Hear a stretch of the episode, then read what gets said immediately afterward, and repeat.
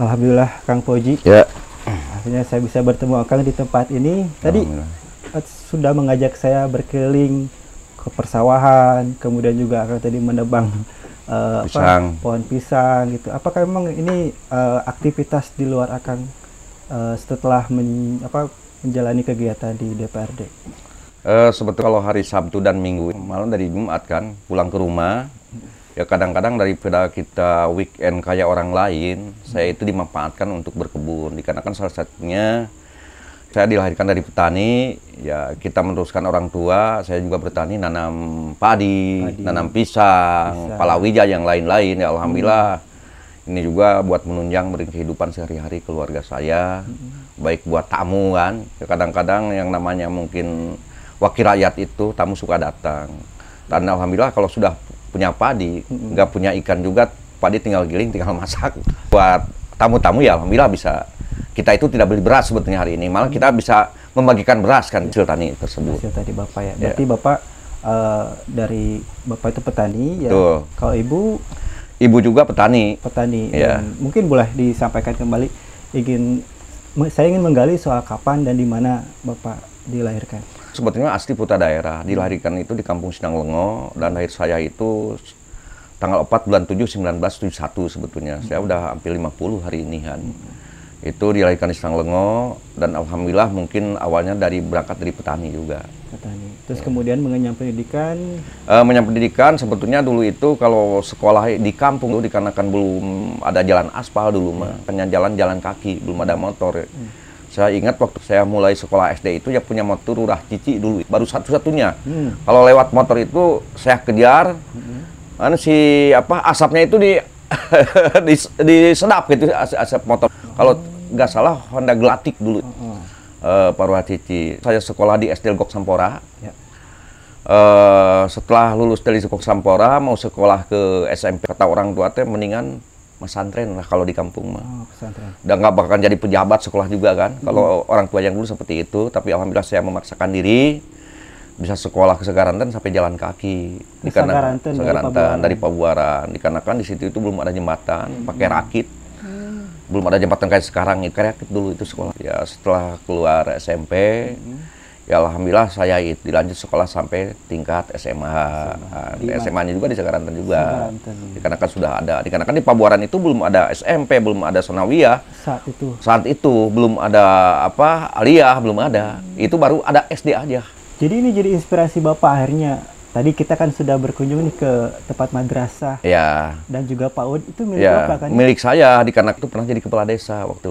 Bagaimana saya itu menciptakan dikarenakan kenapa? Dikarenakan tertarik. Salah satunya istri saya nikah sama istri itu di kebetulan istri saya keluar dari PGA Cibadak dulu itu. Dikarenakan pas waktu akhir PGA pas begitu saya nikah kebetulan di situ ada pengangkatan PNS saya ajukan dimodalin isi itu sama saya. Kalau nggak salah itu waktu diangkat tahun berapa ya? Dulu mah cuma gaji juga 87.000 ribu.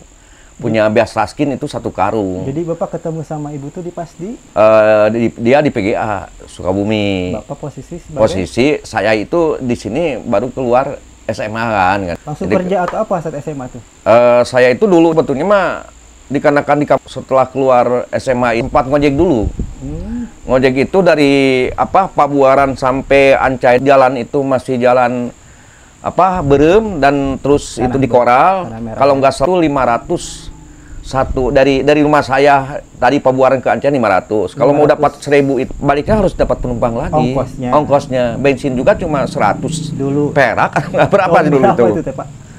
tahun berapa Tahun lah teh. lupa lagi tahunnya itu mah itu Tapi Karena kan- berarti Bapak sudah mempunyai berapa anak sekarang Pak?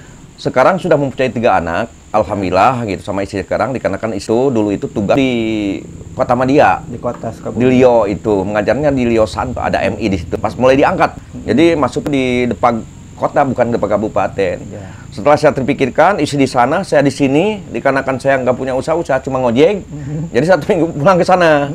Ya setelah bicara untuk kehidupan ke depan bagaimana lebih baik pulang kampung. Mutasi ke MI Cieri dan alhamdulillah setelah di MI Cieri di sini dia itu berkarir diangkat jadi kepala sekolah sampai saat ini masih jadi kepala sekolah MI uh, Ciurih, Kecamatan Sagaranten. Isi itu pegawai negeri sekarang Dan itu. aktivitas seka ke sekarang juga ikut membantu mengajar di mana? Ikut membantu sampai sempat saya karena kan MI itu tidak ada perhatian dari Departemen Agama dikarenakan kebijakannya pusat. Saya sampai sempat dikarenakan masa isi kepala sekolah bangunan MI-nya itu sampai jatuh, sampai nggak ada kelas. Kapan itu Pak? Itu sebelum waktu jadi kepala desa. Kalau kepada desa sebelum itu tahun 2018. 2000 sebelum tahun Eh, 2019. sebelum 2019 2014 kepala desa. Setelah itu saya punya mobil Escudo kalau nggak salah punya tanah dijual, dibikinkan sekolah sampai empat lokal. Sekarang lihat dari sekolahnya. Iya, iya. Dikira saya dapat pengganti dari Departemen Agama. Sampai saat ini nggak ada. Jadi semua sekarang operasional tuh dari dana pribadi Bapak. Dana pribadi bukan ini mah kan kalau MI mah kan udah diakui Udah. oleh Depak. Tapi bangunannya nggak dapat bangunan. Nggak, nggak- belum dapat perhatian. belum dapat perhatian. Ya saya uang pribadi dipakai bangun itu sampai habis itu 40 juta. Dari tahun 2010 ya. 2010-an itu sampai sempat bangunan sampai sekarang masih ada. Alhamdulillah sekarang itu manfaat. Sama istri sempat kemarin itu bagaimana cara mengatur untuk pengembalian uang. Ya udah aja ikhlaskan saja. Mudah-mudahan itu bisa manfaat buat kita nanti akan kembali di sana kan itu. Iya, oke. Pak, eh, kembali lagi tadi soal anak kan ada Ya, tiga ya. Ada tiga anak. Yang satu, alhamdulillah itu sudah lulus dari Stikes Kabupaten Sukabumi. Dia itu pertama. pertama sedang eh, kemarin itu kerja di Bunut sampai tiga tahun. Perempuan laki-laki. Laki-laki dikarenakan di Sukabumi itu ya kelihatannya nggak masuk database. Eh, pulang ke sini saya masukkan di Puskesmas Pabuaran. Alhamdulillah sekarang sudah masuk dan mudahan-mudahan diangkat P3K walaupun saya dewan belum diangkat. Kedua Pak, Eh, P3K sekarang Yang itu. kedua, anak kedua? Yang kedua, yang istri perempuan. Ya, dulu kan dari SMP Pabuaran, saya sekolahkan di SMA 4, Sukabumi, langsung sekolah di Unisba. Sekarang ngambil sarjana hukum.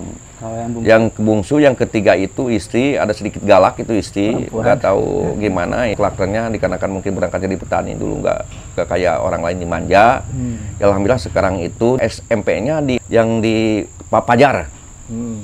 itu sekolah SMP-nya di sana setelah lulus di sana dia itu mau ke Parepare ya dapat dua kali ke Parepare ke sana ke Pare ya alhamdulillah bahasa Inggrisnya bagus Kang sampai dia itu dapat juara dan kreatifnya di silat Berarti Ya. sekarang mah di SMA udah sekarang itu di SMA 3 oh, udah masa oh, udah kelas berapa Pak? kelas 3 sekarang itu keluar tahun ini ya Oke, jadi Bapak kan kita tahu Bapak sibuk juga nih di apa menjadi anggota dewan, Ya. anggota dewan. Kalau keluarga bagaimana gitu Pak? ya kalau keluarga makanya saya atur kan gitu jadi intinya kayak kadang-kadang saya rapat ke pelabuhan lewat Pejong Haur Kiara 2 masuk pelabuhan kalau nggak ada kegiatan lagi pulang ke rumah ke sini Kalau rapat di Kota Madia misalnya ya kadang-kadang di Pendopo, kadang-kadang di BKPSDM, dapat kontrakan di kontrak buat anak, buat saya pulang pas aktivitas pulang ke anak. Jadi kita itu di sana ke kontrol anak, di sini juga keluarga eh terkontrol bersama-sama keluarga. Menyempatkan waktunya akhir pekan. Akhir pekan. Karena kan kita tahu Bapak di Pabuaran, tugas di Betul. Pelabuhan Ratu. Pelabuhan kan? Ratu. Oh, Oke, siap, siap. Kalau dari ketiga anak itu ada yang berpotensi yang ingin ikut Eh, berpotensi kelihatannya kalau yang dua itu dikarenakan yang itu mungkin di bidang kesehatan. Dia itu seorang aktif dikarenakan dia juga hari ini ya kadang-kadang banyak pasien kan itu datang kadang di luar jam kerja. Yang kedua itu dikarenakan baru nikahnya satu tahun. Sekarang itu belum melamar kerja dikarenakan perempuan. Kalau kelihatan mah yang kecil ini Yang ada sedikit mungkin suka apa bicara ngobrol bagaimana di dewan bagaimana kerja dia suka nanya kan gitu Suka tanya. tapi nggak tahu lah yang penting gitu, punya ilmu dulu Ya. dikarenakan kalau misalnya ada bahasa kerja itu tidak jadi jaminan yang penting punya ilmu kalau sudah punya ilmu pasti mudah mendapatkan pekerjaan kan Pekerjaan gitu. mendatang. memanfaatkan ilmu saja kan gitu Nah, soal masa kecil tadi kan eh, kalau kita bercerita soal Bapak gitu, Ya. masa kecil Bapak ya, hingga akhirnya eh, terinspirasi untuk masuk ke politis. Ya terinspirasi masuk politik awalnya suka baca buku, baca buku ya Soekarno itu ada Marhaen. Itu Kalau Marhaen kan petani Ya. yang datangnya mungkin dari Jawa Barat juga. Sampai sempat terbayang gitu, oh kenapa? Tapi kalau misalnya dengan karir politik ya cepat gitu naiknya. Kalau kita dengan masuk jadi PNS apalagi sekarang susah. Ya alhamdulillah pertama jadi ranting. Kebetulan sudah dari mulai lahir tahu politik hanya PD Perjuangan menurut bagi saya sendiri sendiri. Dikarenakan saya sampai hari ini dari semenjak dewasa sampai hari ini saya tidak pernah eh, apa mencoblos partai yang lain cuma PD Perjuangan. Dikarenakan itu sejarah Pak Soekarno kan itu yang dulu memerdekakan Indonesia dan setelah Soekarno itu ya termasuk ke sininya ada warisan yang mungkin karena kan punya anak perempuan salah satunya adalah Megawati. Megawati. Dikarenakan saya masuk PDI Perjuangan itu tahun 99 setelah dulu itu PDI. Ya. Belum ada PDI Perjuangan. Setelah mungkin dipegang sama Ibu Mega itu jadi PDI Perjuangan. Langsung aja ya.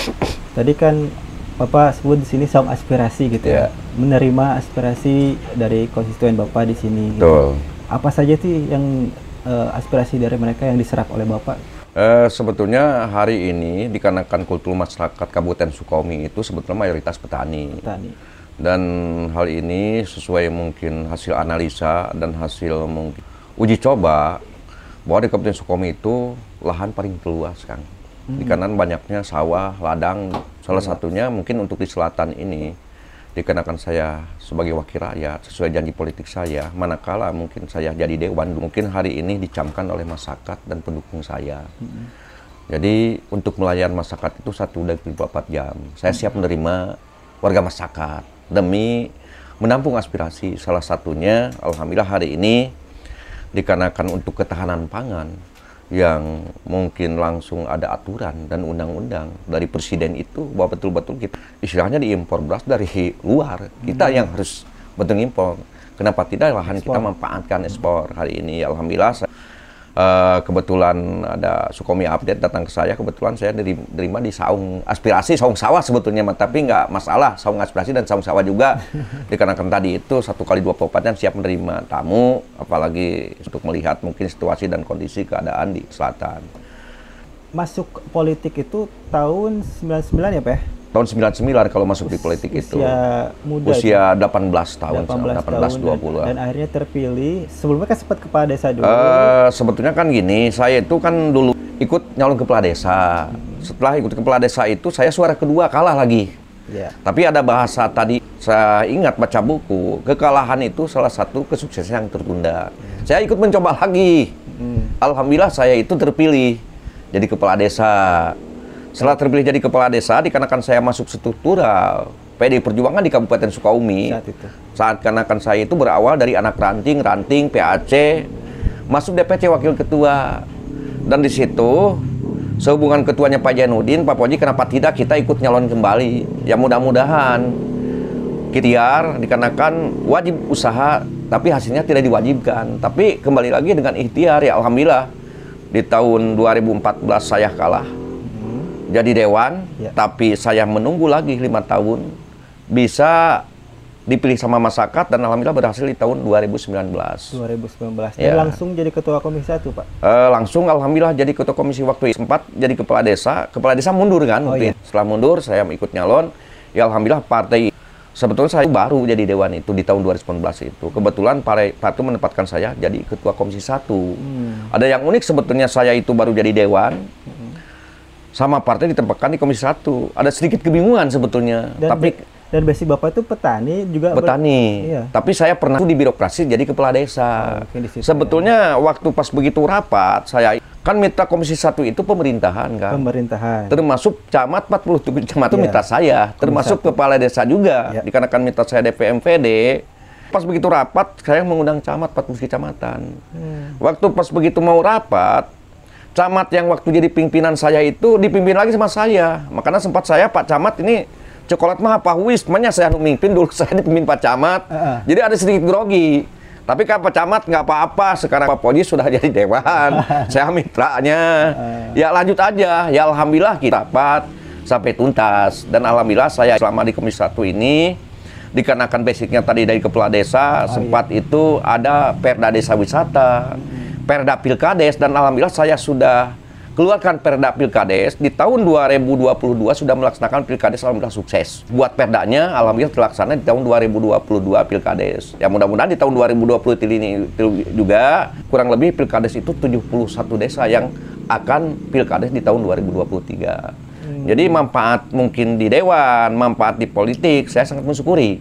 Saya jadi kepala desa, apalagi di masyarakat mau ketemu sama bupati susah kan? Susah. Bupati itu siapa kan itu. Tapi setelah saya di politik, ketemu bupati, ketemu pimpinan, ketemu presiden bila perlu termasuk Bu Risma juga melirik saya. Bu Risma sampai sempat datang ke Pabuaran. Dikarenakan saya di sini ada orang yang sakit, dikarenakan kewajiban sebagai anggota dewan saya sesuai janji politik, manakala ada muludan, ada rajaban, ada muharaman, saya itu selalu rajin lah bukan mau intinya apa di itu sama masyarakat, tapi itu salah satu kewajiban. Mari kita sama-sama berjuang demi maju si agama Islam di Kecamatan Pabuaran. Pemerintah dan ulama, umaro dan ulama itu harus bersatu. Yeah. Insya Allah kalau ulama dan umaro bersatu, Indonesia akan lebih aman, Kabupaten Sukabumi akan lebih nyaman dan akan eh, apa maju untuk ke depan. Apalagi selatan ini, nu paling utama aspirasi dari masyarakat itu pertama infrastruktur ini lagi punya perjuangan supaya didengar oleh publik, termasuk mungkin pemerintah Kabupaten Sukabumi, ada kewajiban saya yang harus diselesaikan. Ya mudah-mudahan mungkin sebelum masa jabatan habis, tapi kelihatan nggak tahu nih anggarannya ada atau tidak kan gitu. Saya itu Dewan Covid kemarin pas begitu jadi Dewan hmm. Covid-19 kan. Hmm. Uh, ada jalan Poros Pabuaran Bojong antara Kecepatan Pabuaran dan Kalibunar dan alhamdulillah kemarin itu sudah mendapatkan mungkin dari APBD kami Sukabumi sekarang mau di hot mic kurang lebih satu kilo dapat satu miliar alhamdulillah. alhamdulillah. Ya mudah-mudahan untuk 2020 juga mendapatkan lagi itu perjuangan saya di antara Jalan Poros Pabuaran Bojong itu sampai saat ini masih amburadul jalannya. Itu jalan provinsi kabupaten. Jalan kabupaten. Oh, dan diupayakan. Diupayakan. Ya. Kapan pak? Uh, diupayakan sebetulnya pas begitu masuk dia saya upayakan. Walaupun saya itu bukan komisi dua, dikarenakan ya. komisi dua, tapi akan coba dikarenakan ini masyarakat mendesak-mendesak terus. Ya alhamdulillah saya kebetulan masuk di anggota Banggar, saya sampaikan seadanya. Tapi alhamdulillah kebijakan mungkin Pak Bupati, kebijakan pemerintah, ya alhamdulillah bisa dirasakan oleh masyarakat. Siap. Baik Ketua Komisi 1 DPRD ya. Kabupaten Sukabumi ya. dari fraksi uh, eh, PDI Perjuangan. Perjuangan. Bapak Pauji Nurjaman terima kasih Pak. Ya.